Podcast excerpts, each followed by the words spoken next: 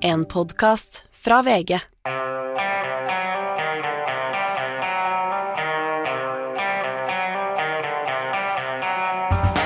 Ikke visste jeg at alle disse dagene som kom og gikk, det var selve uke tre. For en uke! En uke preget av det vi nordmenn er aller mest opptatt av her i verden, nemlig været.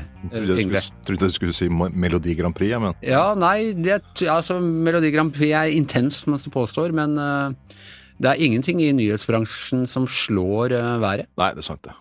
Det, er, uh, Gir oss noe å snakke om. det gir oss noe å snakke om. Og, og det, er ikke, det er jo ikke bare fordi været skifter, det er jo fordi det har implikasjoner på livene våre. Ja, særlig sånn som det er nå, da, når det hindrer folk både å komme på jobb, og det hindrer utrykningskjøretøy, og det er jo fare for liv og helse, og det er ikke måte på. Ja, ja og det er eh, altså det, har, det er sånn gammeldags vinter. Enten har det snødd, eller så har det vært kaldt. Så det er eh, eh, Men vi har jo på, for å gi et lite glimt inn i, i vår avdeling og vårt samvær Du eh, bosatte deg for noen år siden på landet, Ja. og ble avhengig av Vy for å komme deg på jobb. ja, særlig på vinterstid, da, ellers så prøver jeg å sykle resten av året, men akkurat når det er snø og kaldt og glatt, da er jeg avhengig av Vy. Og av og til så kommer du litt ut i møte, og da er det alltid en eller annen sånn historie om Vy. Ja, nå har jeg, bare for å korrigere det, siste så har jeg ikke gjort det, altså nå, for nå begynner jeg å rett og slett ta et tog som går nesten en time tidligere Ja. for å være i tide, men ja, jeg, I see- ja, I see your point, I see your point, ja, ja, ja, ja. Eh, og i hvert fall alle vi på avdelingen, vi er litt sånn ja, jeg har Yngve, og nå er noe, det kommer noen meldinger, og nei, nå har de innstilt, og vi må kjøre om eh, Drammen, og det er ikke måte på. Det har vært litt sånn ja ja, Ja, ja. ja ja. En god historie. Ja. Litt, Men- litt Donald Duck har jeg inntrykk av. Litt, synes det? ja, litt sånn uh, Bikkja spiste opp toget mitt på tur til ja. Ikke sant. Men uh, i går så bestemte jeg meg for å Dette var en fin dag for å dra utafor Ring 3 med toget. Eh, og jeg går ned på Oslo S, og jeg skal til uh, Sarpsborg. Og først så sjekker jeg appen, og der står det advarsel. Togene går stort sett som normalt. Du må regne med innstillinger og forsinkelser. ja, sånn lever vi. Ja, det er det Vy regner som normalt. Ja. Uh, men jeg går ned, jeg går rett på toget. Det går på minuttet. Det suser gjennom den der nye Follobanen, og mitt, jeg suser forbi min heimbygda mi eh, Ås på rundt et kvarter. Eh, vi er på vei inn til Sarpsborg på minuttet. Altså, vi var ikke et minutt forsinka, og så stopper det. Mm. Og så står vi igjen ti minutter, og så kommer sånn beskjed over høyttaleranlegget at det er et annet tog som står foran oss, og det har stått lenge, så vi må hjelpe det å komme i gang. Og så spør jeg konduktøren at ja, fint, kan jeg få god er, Jeg mener jeg, virkelig jeg målte med Google Map, det var 300 meter fra Kongsberg stasjon. Ja, nei, det var akkurat Ja, så prøver jeg selvfølgelig å åpne døra, nei, det går ikke, den er styrt av sånn Big Brother-Vy-greie. Og så øh, går det en time! Ikke noe mer beskjeder, men da begynner i hvert fall de andre fra det andre toget, som har stått der i to timer, å strømme over, og da hopper jeg og en annen fyr av, og løper gjennom snøen som sånne flyktninger fra Øst-Europa på, på 70-tallet. Sånn runaway train. Sånn runaway train. Kulene suser rundt, ja det gjorde de ikke altså, men de, noen ropte vent. Ja. Og så klarte jeg å rømme til eh, Sarpsborg og Friheten. Men jeg lurte liksom på hva Vent, gå på toget igjen? Hva, hva er det de mener? Hvordan er det mulig å håndtere informasjon og sånne ting så til de grader håpløst? Nå, nå sitter jeg og føler meg som antageligvis nordlendinger, eller folk i Nord-Norge gjør når når det er snakk om snø sørafor. Liksom sånn Ja, dette er vi vant til, sånn er Ja, ja. virkeligheten faktisk, Men med en gang en fra Ja, Oslo-bobla blir litt forsinka, Ja, da ja, er det egen podkast om det. Ja, nei, det, altså, jeg opplevde det senest i dag. Altså, Det toget jeg skulle ta, det var innstilt, men det sjekka jeg på appen, så det var bare å gå og finne en buss i stedet. Bussen var også forsinka, og når neste buss kom, så var den så full at den bare sakka farten like foran stoppestedet, og så bare vifta sjåføren med begge hendene, øh, slapp rattet, fullt, så kjørte den videre igjen. Og det er liksom sånn, Du får en sånn følelse av at en ting er å bli dumpa av dama, men altså når bussjåføren Dumper deg. og så ser den øynene og kjører forbi. Det er nesten verre, altså. Og så idet vi setter oss ned her, så kunne Magne Hva var det du kunne fortelle, Magne? Follobanen stengt Hva? Ja. Stengt eh, til og med mandag. Og det, jeg føler at jeg, jeg, er en av de få som jeg, jeg kan i hvert fall være smykke med meg at jeg er en av de få som har klart å kjøre gjennom den derre Follotunnelen på normert tid. Gratulerer. Ja, det venter en pris for det. ikke sant. Ikke. Ja. Ok, det var litt mediemaktmisbruk å, å bruke den talerstolen jeg ble tildelt av VG til å rante om meg og mitt. Ehm, men vi har andre ting å snakke om også. Eh, først og fremst Astrid, som er med oss eh, fra Rindalen. Eh, har du snødd inne? Nei, her er det fint vær. Jeg skjønner ikke hva dere snakker om nedi der. Det er ganske lite snø. Det er ja, ni minus og uproblematisk. Infrastrukturen går på skinner. Ja, og Du rakk trikken i dag tidlig? Ja da, det- T-banen går til Grenjaskolen her med 27 elever. Nei da, vi har ingen skinner. det er Mussolini som styrer oppi der, og Ja. bussene og togene går når de skal. Flott. Ja. Men- Det er ingen busser og ingen tog. Nei, det er nettopp det. Jeg legger ned alt. Ikke buss for ikke tog. Nei, altså det Sparkstøttingene går når de skal, det er, eh, det er i hvert fall sikkert. Men du, Astrid, eh, vi har snakket om det tidligere i uka i forskjellige variasjoner. Først var det egg, og så var det melk, og nå har vi rett og slett det vi på tabloidsk kaller sjokosjokk. Det er sjokoladekrise i landet. Ja, eller eh, det var på nippet. Det blir en sjokoladekrise. Det vi har, er en nesten sjokosjakk. Ja, vi har en melkekrise, som vi har snakka om tidligere i uka. Eh, Og den er nå avverga, sånn at de får eh, nok ost og melk og sånn i butikken. Men det de har kutta ut, det er melkepulver, eller tørrmelkproduksjon, da, for å ha nok melk til forbrukerne. Så det er litt krise, Anders, for at du skulle tro altså, men melkepulver det brukes jo alt mulig rart.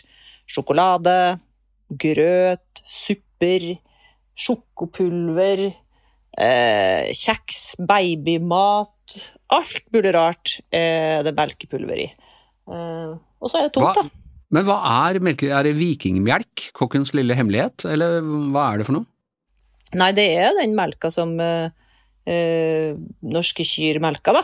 Jeg vet ikke hvordan de lager pulver av det, men det fins flere fabrikker, annet den i Levanger som heter Nordmilk, som lager tørrmelk av den melka. Og de er nå i krise og må, eh, er redd for at de må permittere ansatte, for de får ikke noe melk å lage pulver av. Nei, for de lager pulveret av melk. Det er en kjempefin måte å, å lagre melka på, eh, for da blir jo ikke sur, ikke sant? Og så putter de det i melkesjokolade og Stratos og alt mulig rart.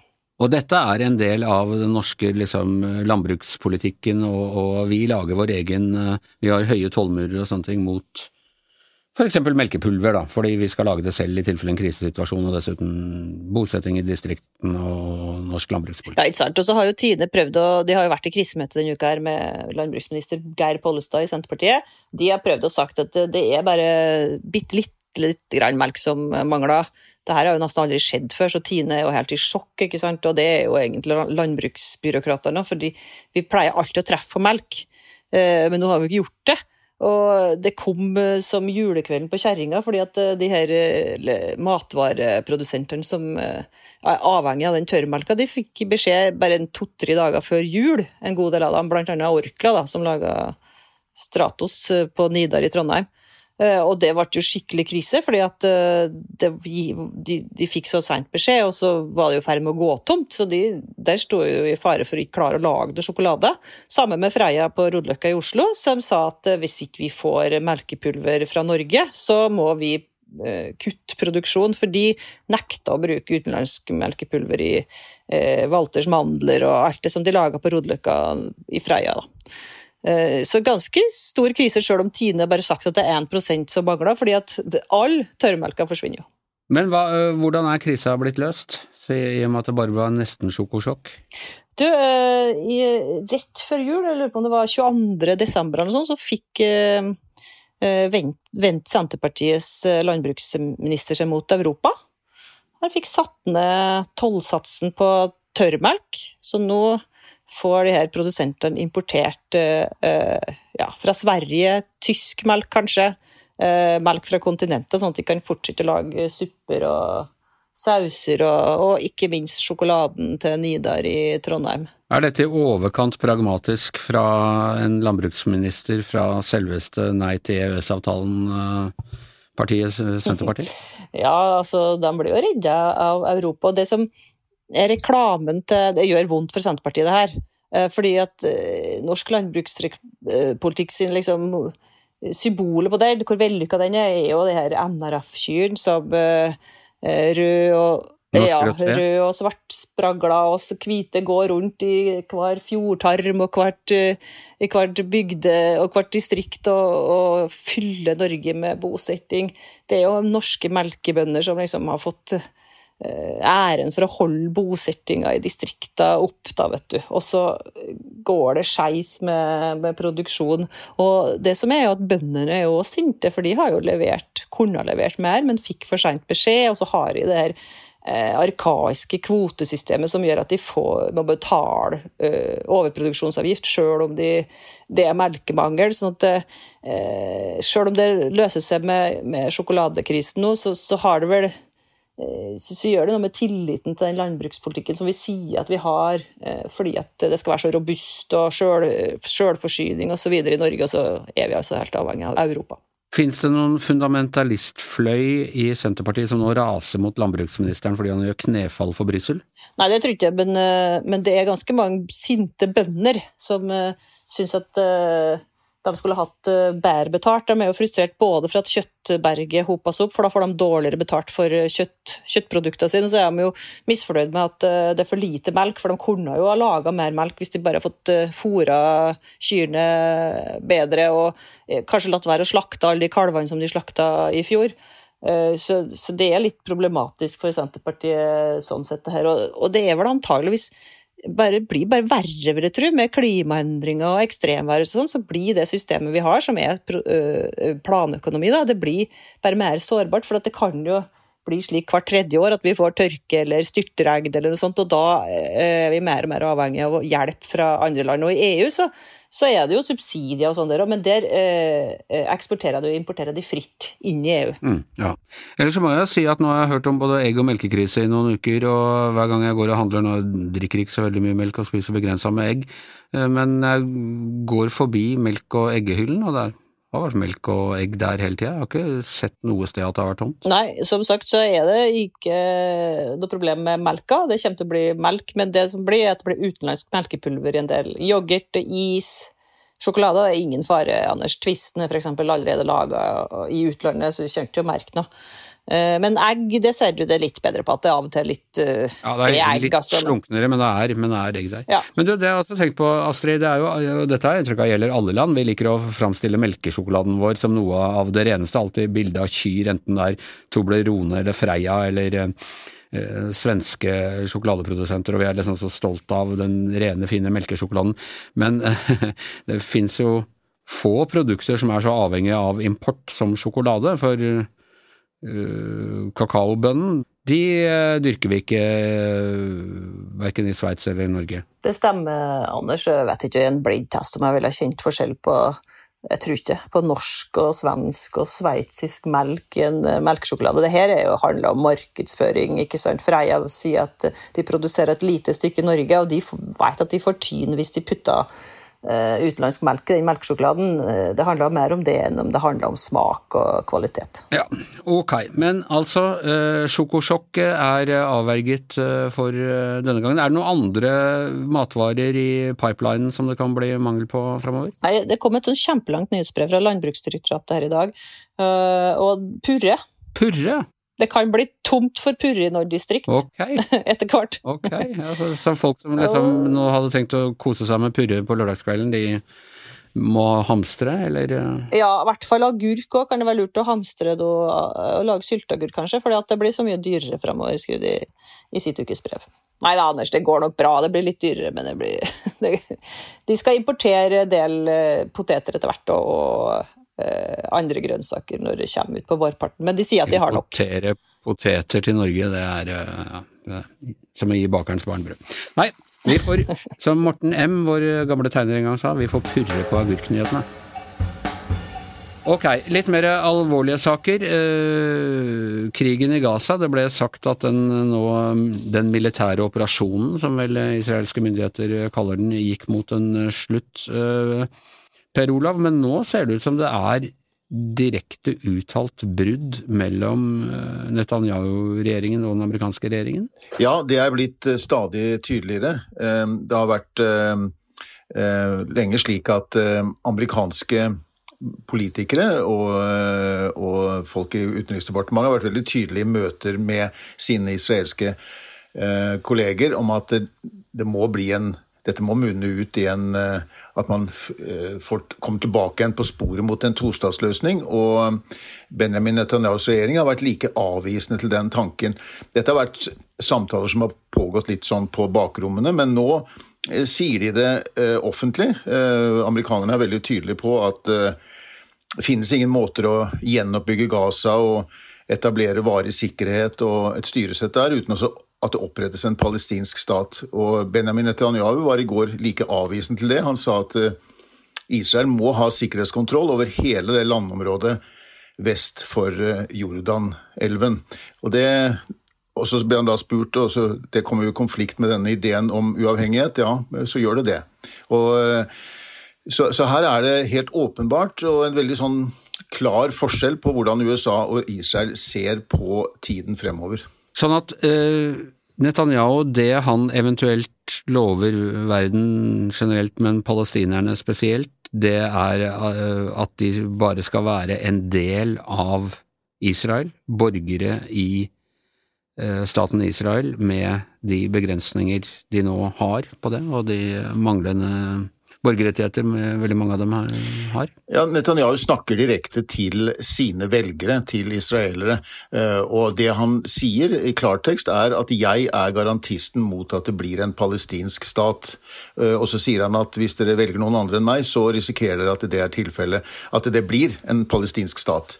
Jeg skal hindre det. Altså, Netanyahu har i mange år vært litt sånn tvetydig når det gjelder dette med tostatsløsning, fordi at han har på en måte ikke klart tatt avstand fra det, selv om politikken tydeligvis har gått i en annen retning. Så, så han, fordi det har vært eh, både USA og EU og andre internasjonale partnere har vært veldig tydelige på at det, det må være målet. Men, og Netanyahu har ikke totalt avvist det, men nå gjør han det veldig tydelig. Han har gjort det tidligere også i praksis, men nå er det ganske uttalt. Eh, og så er det jo det at eh, jeg tror Netanyahu sier dette nettopp fordi at han vet at eh, når denne krigen forhåpentligvis snart er over, så blir det valg i Israel. Det er veldig sterke krefter som krever at det må bli nyvalg i Israel. De må stå, bli stilt ansvarlig fordi den sikkerhets Eh, de feilene som ble gjort, eh, som gjorde det mulig for Hamas å komme inn og utføre den eh, terroren som de gjorde 7.10, at det var en sikkerhetssvikt uten like, og at myndighetene, de politiske myndighetene er ansvarlig for det. Da er det jo slik at Netanyahu ligger, dårlig, ganske, ligger, svært dårlig an i meningsmålinger i Israel. Altså Benny Gantz, som for så vidt også nå sitter i denne krigsregjeringen, han ville jo blitt statsminister hvis det hadde vært valg i dag. Han, eh, hans, han, og hans parti fått, eh, og hans eh, allierte ville fått et stort flertall i Knesset.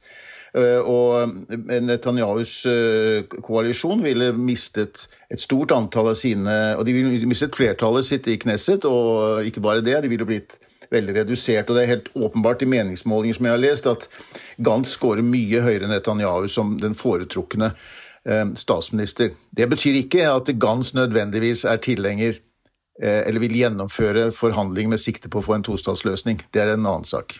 Men eh, hele den tostatsløsningen, det var liksom Oslo-prosessen og, det var snakk om den lenge.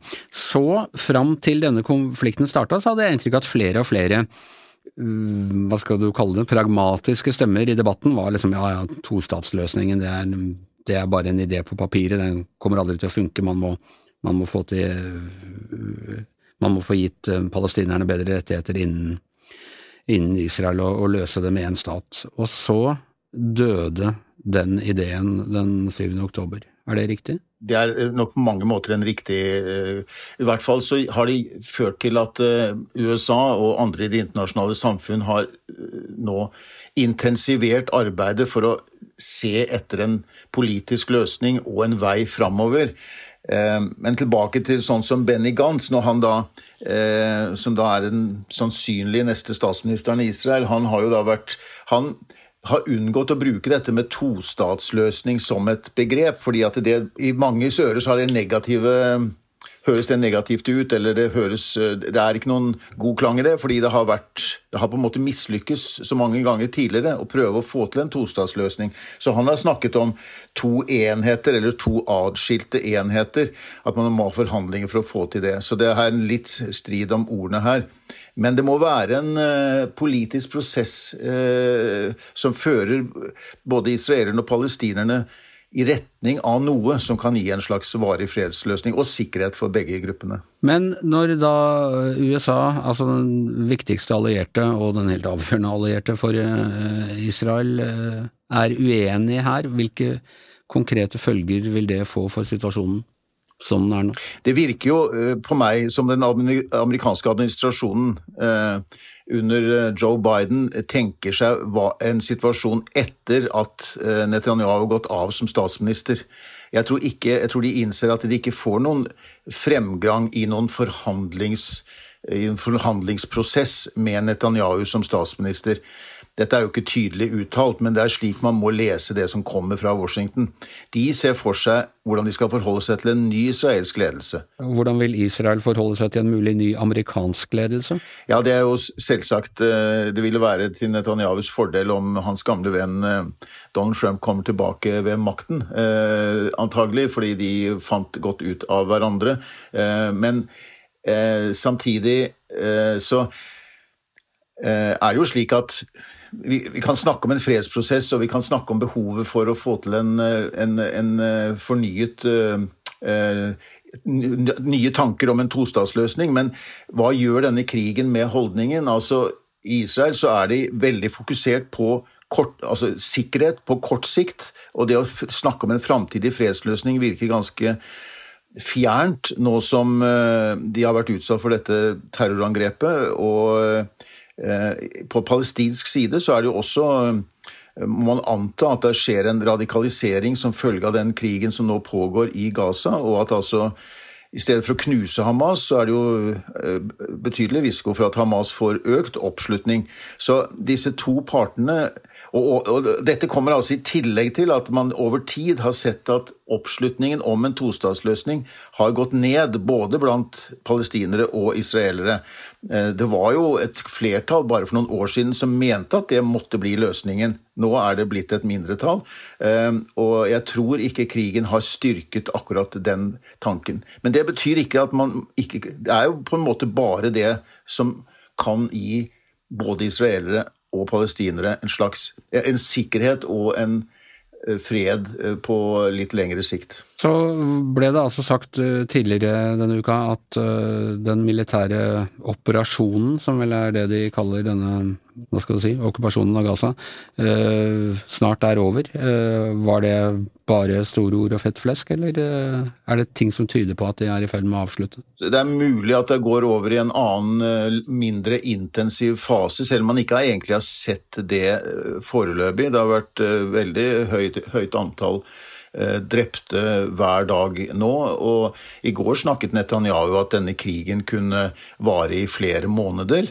Men vi ser også en splittelse her faktisk helt inn i den israelske regjeringen. Og det er jo veldig mange i Israel som nå er svært opptatt av de 100, over 130 gislene som fortsatt skal befinne seg, israelske gislene som fortsatt skal befinne seg i Gaza, og at det er mye viktigere å redde sivile liv enn å, enn å drepe Hamas-krigere eller, eller, fortsette denne krigen som får så civile, har så store sivile omkostninger også. Sånn at eh, og går, den, den splittelsen går helt inn i regjeringen, så det er ikke eh, den, men, men, fra Netanyahus side, han varslet at dette kunne pågå i lang tid fortsatt. Ok, så ingen nødvendigvis løsning der. Annen sak som er eh, preget uh, uka, de siste ukene får vi egentlig si, det er Anders Besseberg-saken. Skiskytterpresidenten fra Vestfossen som nå står tiltalt for Eh, korrupsjon og, og, eh, litt av hvert. Eh, det er egentlig Leif som har vært og dekket saken for oss, men vi følger med noen og enhver, Yngve? Ja, vi gjør jo det. Altså, jeg syns den er veldig fascinerende. Men dette er jo en Altså, en utgangspunktet ser ut som en veldig sånn jorda person, og så har han jo vært ute virkelig og spist kirsebær med de store, og vært i et et slags jetsett-miljø, må man kanskje si, og mottatt gaver og erkjentligheter på uh, fordi en har i det, i det miljøet den har vært, da. Det er jo, jeg tenker liksom, Ordet korrupsjon det er jo nettopp det det betyr, å korrumpere. altså Han framstår som noe av det liksom mest i utgangspunktet hederlige norske Absolutt. Vestfossen, eh, ski, lært seg å gå på ski eh, i skauen, og så har påstanden mot han, får vi si, eh, er jo da at han har latt seg friste. Det er noe, det er noe for deg som er glad i litteratur og sånne ting. Det er noe faustiansk eh, over en sånn historie? Ja, absolutt, og ikke bare for den som er opptatt av litteratur, men også den som er opptatt av historie. Jeg ser jo noen paralleller her til både vikingtid og, og, og mafiaverdenen og, og så videre. Det, Uh, og det, det, handler jo særlig dette om med, med gaver, da, å overøse noen med, med gaver. Altså, jeg tar ikke et sekund stilling til noe som helst i den eh, pågående rettssaken. Jeg har bare begynt å reflektere litt over dette med, med gaver, for han har jo mottatt klokker, eh, sånne, sånne veldig dyre klokker, ikke sant. Da påstås at han har eh, mottatt tjenester for prostituerte, og det har vært jaktturer og det ene med det andre. Alt dette får være opp til retten å avgjøre det, men så sier han i et ganske tidlig i rettssaken at han syns ikke det er så rart det med at han har mottatt gaver, for at eh, noe av det var i forbindelse med en bursdag, og, og på dette nivået så driver man og gir hverandre gaver, og så er det også at han syns også at han har fortjent det, for han har gjort en, en eh, stor og, og, bra jobb for internasjonal skiskyting, og det var det egentlig ingen som tviler på. Og så begynte jeg å lure på liksom sånn, har han aldri reflektert over at dette med gaver også er altså kan, Noen snakker jo om gavens forbannelse, ikke sant? For at i sosiologien så er det noe som heter gaveteori. Og det jo, handler om at gaven har to funksjoner. Det ene er å bekrefte relasjoner, og det andre er å skape relasjoner. Og dette har jo man jo drevet på med i uminnelige tider. Altså I, i vikingtida så, så, bygde jo høvdingene i Norge de bygde jo opp uh, relasjoner og, og sitt, uh, sin makt da, med å bruke gaver. For det var sånn at den som fikk en gave, han, uh, han sto da i gjeld til den som ga gaven. Og vikinghøvdinger, for dem så handler det ofte om å gi da en gave som var så stor at mottakeren ikke kunne uh, gi noe tilsvarende tilbake, og følgelig sto da i en gjeld da, til, til vedkommende høvding. Runar Døving har jo sagt det i en, en eller annen sammenheng. altså det, det, sosiale gavesystemet det er jo veldig egnet for psykopater.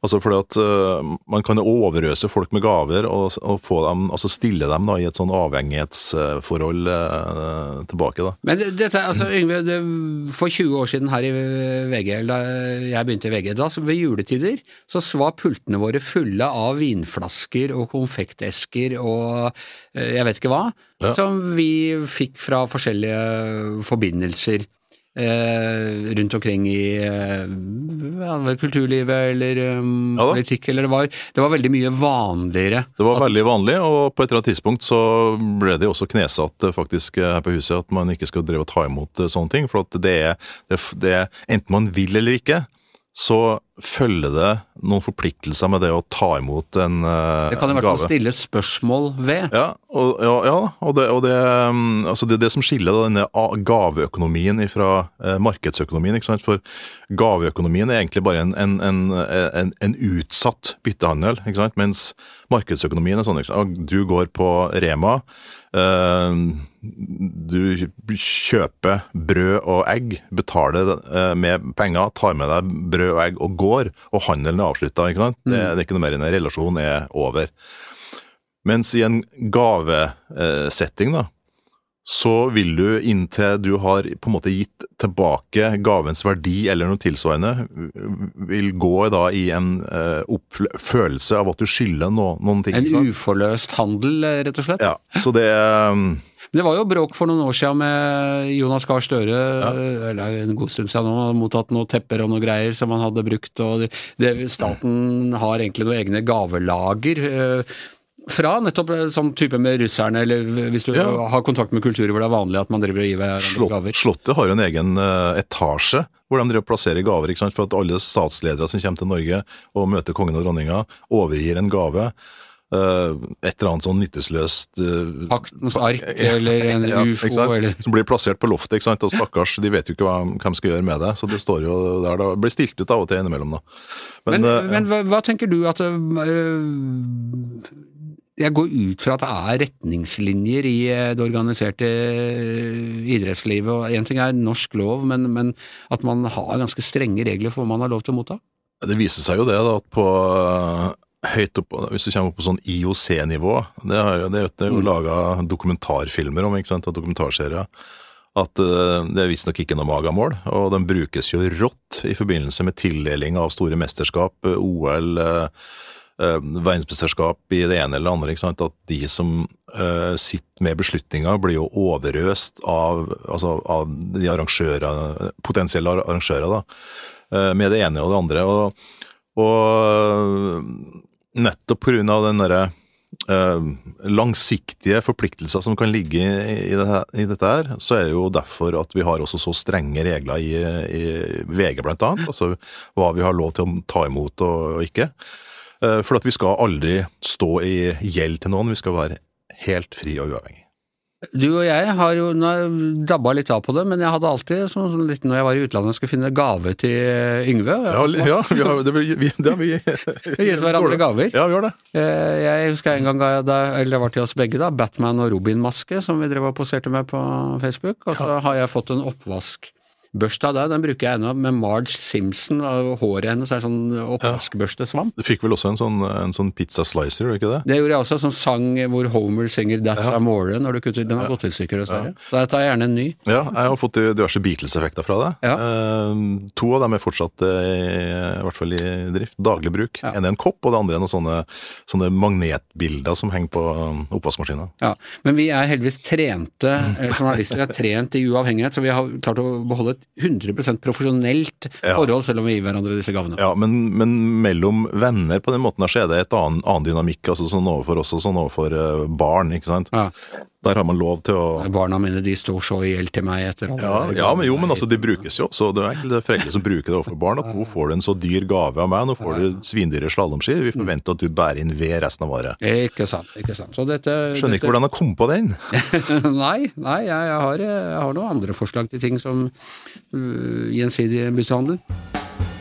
Og det er fredag, eh, i morgen er det lørdag. Da er det mediebobler med Gard Steiro og meg, åpent og tilgjengelig på alle kanaler. I morgen har vi da altså besøk av Vebjørn Selbekk, eh, redaktør i den kristne avisa Dagen. En på mange måter eh, veldig typisk norsk redaktør, en tabloid slugger og nyhetsmann, men som i mange, særlig verdispørsmål og politiske spørsmål, er litt motstrøms.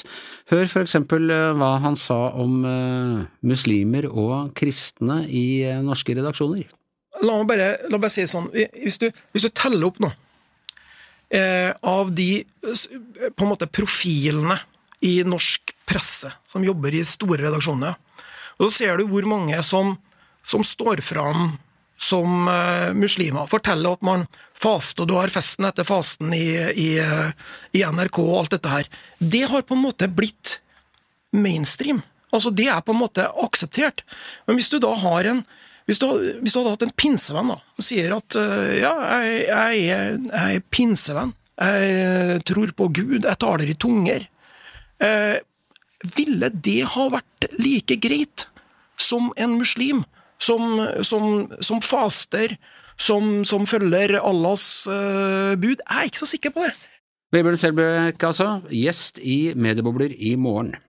Da, eh, helt til slutt, så tar vi opp igjen vår gamle public eh, service med et lite kulturtips for helgen, som kan få deg gjennom denne kalde og etter hvert, eh, ser jeg på grader på Yr, varme helgen. Og først til deg, Per Olav, hva vil du anbefale folk å kose seg med? Ja, å kose seg med å få igjennom den kalde tiden er jeg ikke helt sikker på om det tipset mitt er det rette. Men jeg var i går kveld og så på premieren på Lang dags ferd mot natt på Oslo Nye Teater med hele familien eh, Hoff Oftebro. Ja. Eh, Altså både Nils Ole Oftebro, da, kona Anette Hoff, og sønnene Jakob Oftebro og Jonas Hoff Oftebro. Var det bra? Eh, Alle disse fire på scenen. Jeg syns det var en veldig sterk forestilling og meget gode skuespillerprestasjoner av disse, disse fire. Og så er jo jeg veldig glad i amerikansk teater fra forrige århundre. altså disse, og den Lang dags ferd mot natt av Eugene O'Neill går jo inn i blant de store teaterstykkene fra det forrige, forrige århundre, og sånn som eh, Katt på hett blikktak og, eh, og noen andre av de store forestillingene fra den tiden. Jeg, jeg likte det veldig godt. Arthur. Miller og Tennessee Williams og sånn. De. Ja, Death of a Salesman, ja, den går også, er også av disse. Eh. Jeg liker den typen, men dette er en tragedie. Det var det jeg skulle Ja. bare frem til. Dette er eh, Det er ikke, det er ikke noen farse. Det er det overhodet ikke. Dette er mørkt, og, men allikevel eh, en sterk eh, kulturopplevelse, vil jeg si. Eh, Astrid, hva er, hva er ditt tips? Jeg vil tipse om chat-GPT på mobilen. Ja.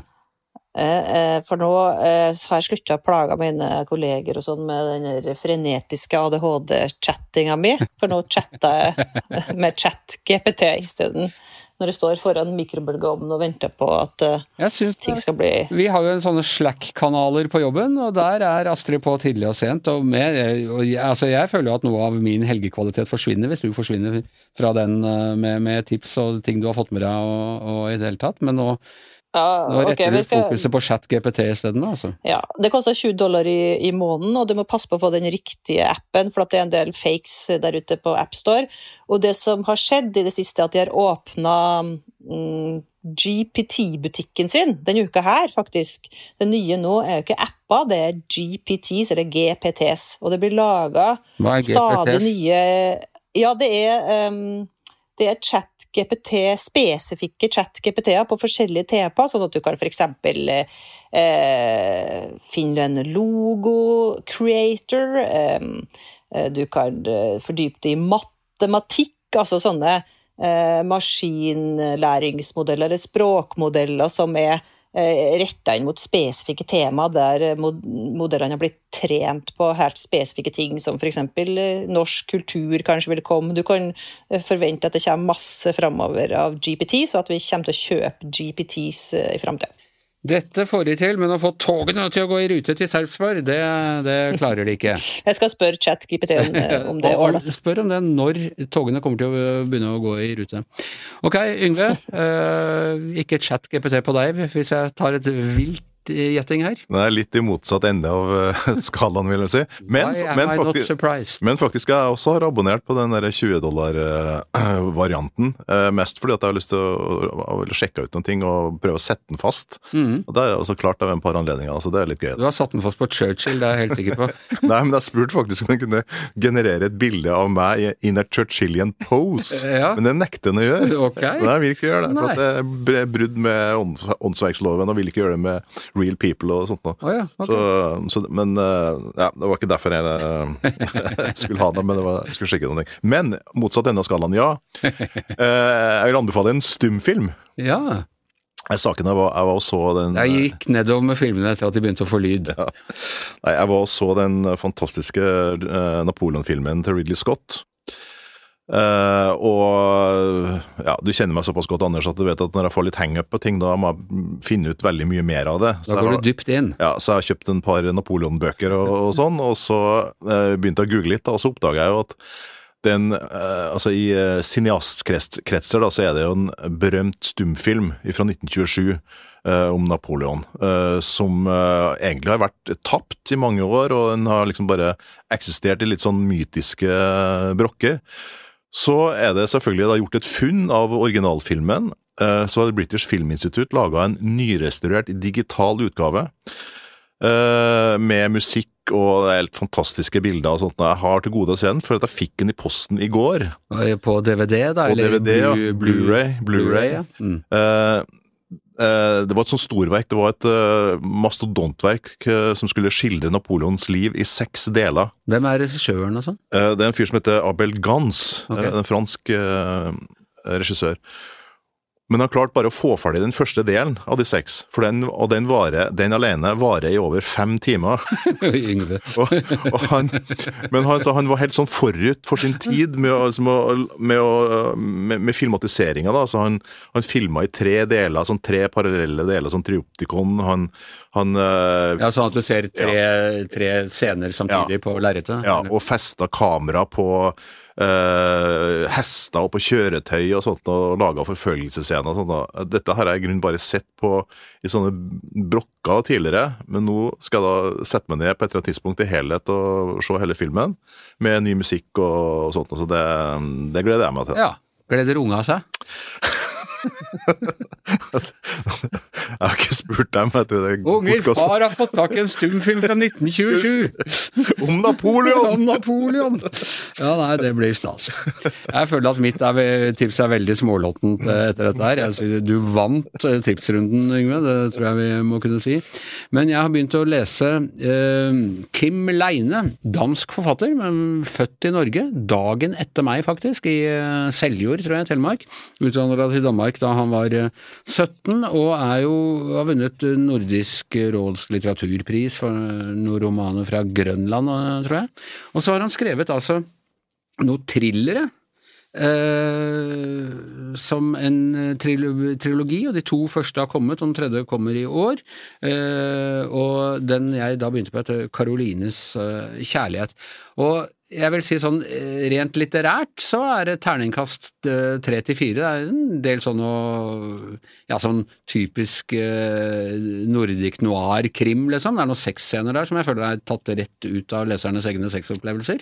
Eh, men den er veldig spennende, og den er veldig Per Olav. Den berører veldig mye av det derre russiske trollfabrikker og, dansk høyreradikalisme og noe av det morsomme er at uh, hovedpersonen uh, Vanligvis i sånne bøker så er liksom hovedpersonen, selv om den kan være litt forfylla og sånne ting, så er den liksom sånn prektig politisk, står for alle de rette tingene. Men her er hovedpersonen ganske langt ute i den der russiske trollskogen.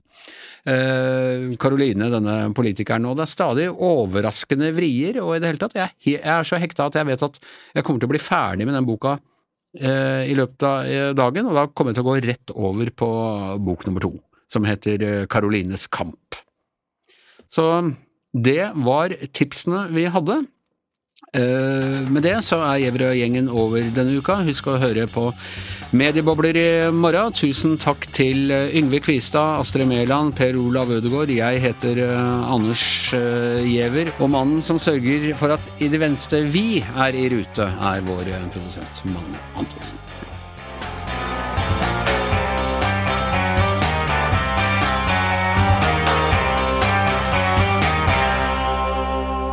Du har hørt en podkast fra VG. Ansvarlig redaktør, Gard Steiro.